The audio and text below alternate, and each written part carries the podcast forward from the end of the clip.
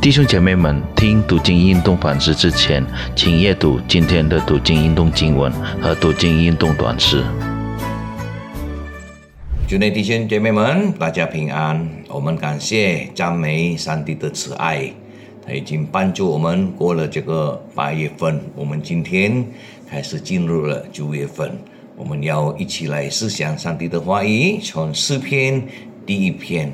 我们要一起来看，什么是我们在我们的生活上带来给我们喜乐的事是什么？哎呀，我们是不是我们工作工作找钱？是不是我们有钱了，我们有这个喜乐？真正我们带给我们一个幸福呢？或者我们成为一个有名的人，我们很出名，是不是也带来了一个啊快乐、喜乐、幸福给我们？许多人在他们的生活。他们有钱，他们一什么都有，但是他们的心里，他们感觉到很空，他们没有这个喜乐。所以我们要一起来思想上帝的话语，今天怎么样来解释，是我们怎么样成为一个有喜乐的人呀？上帝祝福我们，我们一起做一个祷告，耶稣带领我们，我们要一起来读经。你恳求你带领我们，使我们读了，我们有明白，我们把你的话放在我们的心里。我们也恳求你，我们在我们的生活上，我们可以追求最重要的生活，是我们的生活的意义。最重要的，我们可以明白，是我们真正的，我们从早上到晚上，我们嗯追求的是好你的喜悦的事。谢谢主，感谢张美丽。我们祷告，仰望是奉耶稣基督的生命祈祷，阿门。诗篇第一篇就第一节和第二节，不从恶人的计谋，不占罪人的道路，不做亵慢人的作为，唯喜爱耶和华的律法，作业思想，这人变为有福。弟兄姐妹们，我们。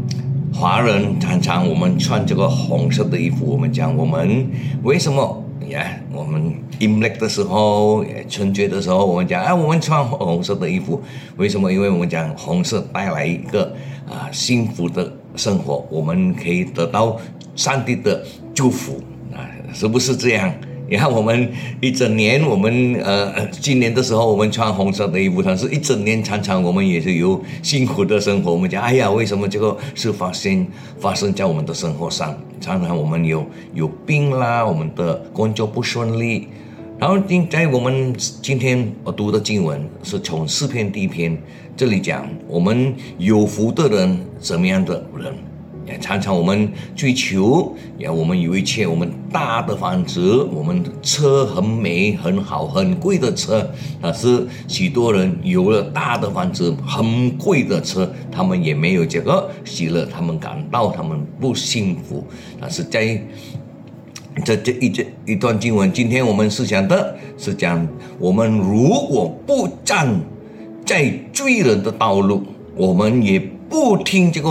寂呃恶人的寂寞，你看他教导我们，常常在我们的生活，我们跟别人来往的时候，他们聊啊，他教导我们，哦，你们你们做生意，你们应该做这样，应该做这样，也常常叫我们骗人啦什么啊，我们要记住我们的身份，我们的身份是谁？我们是一个基督徒，我们已经被上帝。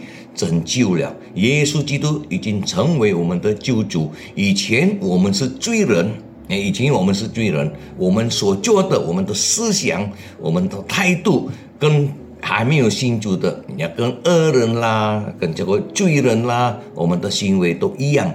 但是我们信了耶稣基督以后，我们的思想、我们的心也改变了。上帝已经给我们的一个一颗呃新的心，所以。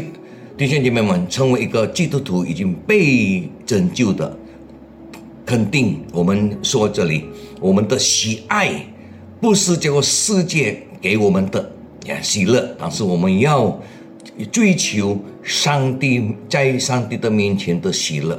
这里第二节写，呃，告诉我们，唯喜爱耶和华的律法，昼夜思想，他思想昼夜从早上到晚上，早上是不是这里告诉我们，我们起床的时候我们开始读经，中午读经，晚上读经？不是，这个不是这个意思，意思是我们从早上、中午到晚上，我们的生活被上帝的话语已经掌管我们，我们要说要做一个决定的时候，是不是我们应该 A 做呃 A 发做，或者 B 发做？但是我们要来用上帝的话语、上帝的话来参考我们每天的每天都要做的决定，所以我们可以啊做一个啊决定，讨讨上帝的喜悦的决定。我们我们已经罪，我们不是罪人了，在我们的生活上，所以我们不可以在在罪人的道路啊走，我们要走在上帝的带领上。所以弟兄姐妹们，再一次这里告诉我们呀，这里写我们如果昼夜思想上帝的话语、上帝的律法，这里是篇说，这人变为有福呀。我们在我们的生活上，我们知道常常魔鬼教导我们要讲我们，哎，我你应该这样做，应该这样做，但是我们。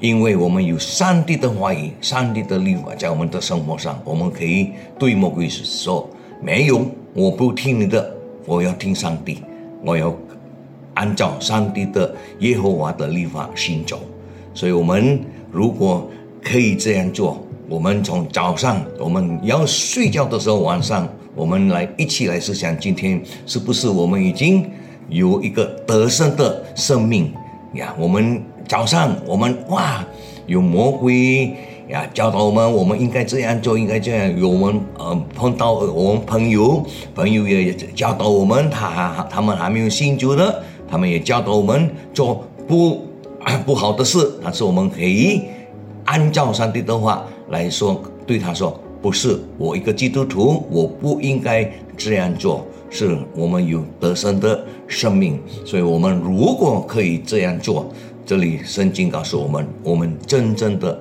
已经得到了上帝的祝福，我们是一个有福的基督徒。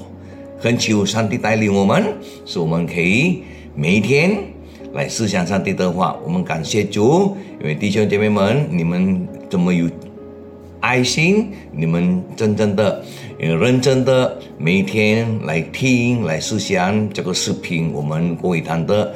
这个啊视频，连上帝祝福我们每一位人，我们有真正的有幸福的生活。上帝祝福你们，我们一起做一个祷告。主耶稣，再一次我们要感谢赞美你，你赐给我们你的话，我们有圣经在我们的生活上。如果我们每一天来聆听你的话，我们来读你的。话，我们放你的话在我们的心里，我们不听恶人的计谋。谢谢主，感谢赞美你，你听我们的祷告，仰望奉耶稣基督的生命祈祷，阿门。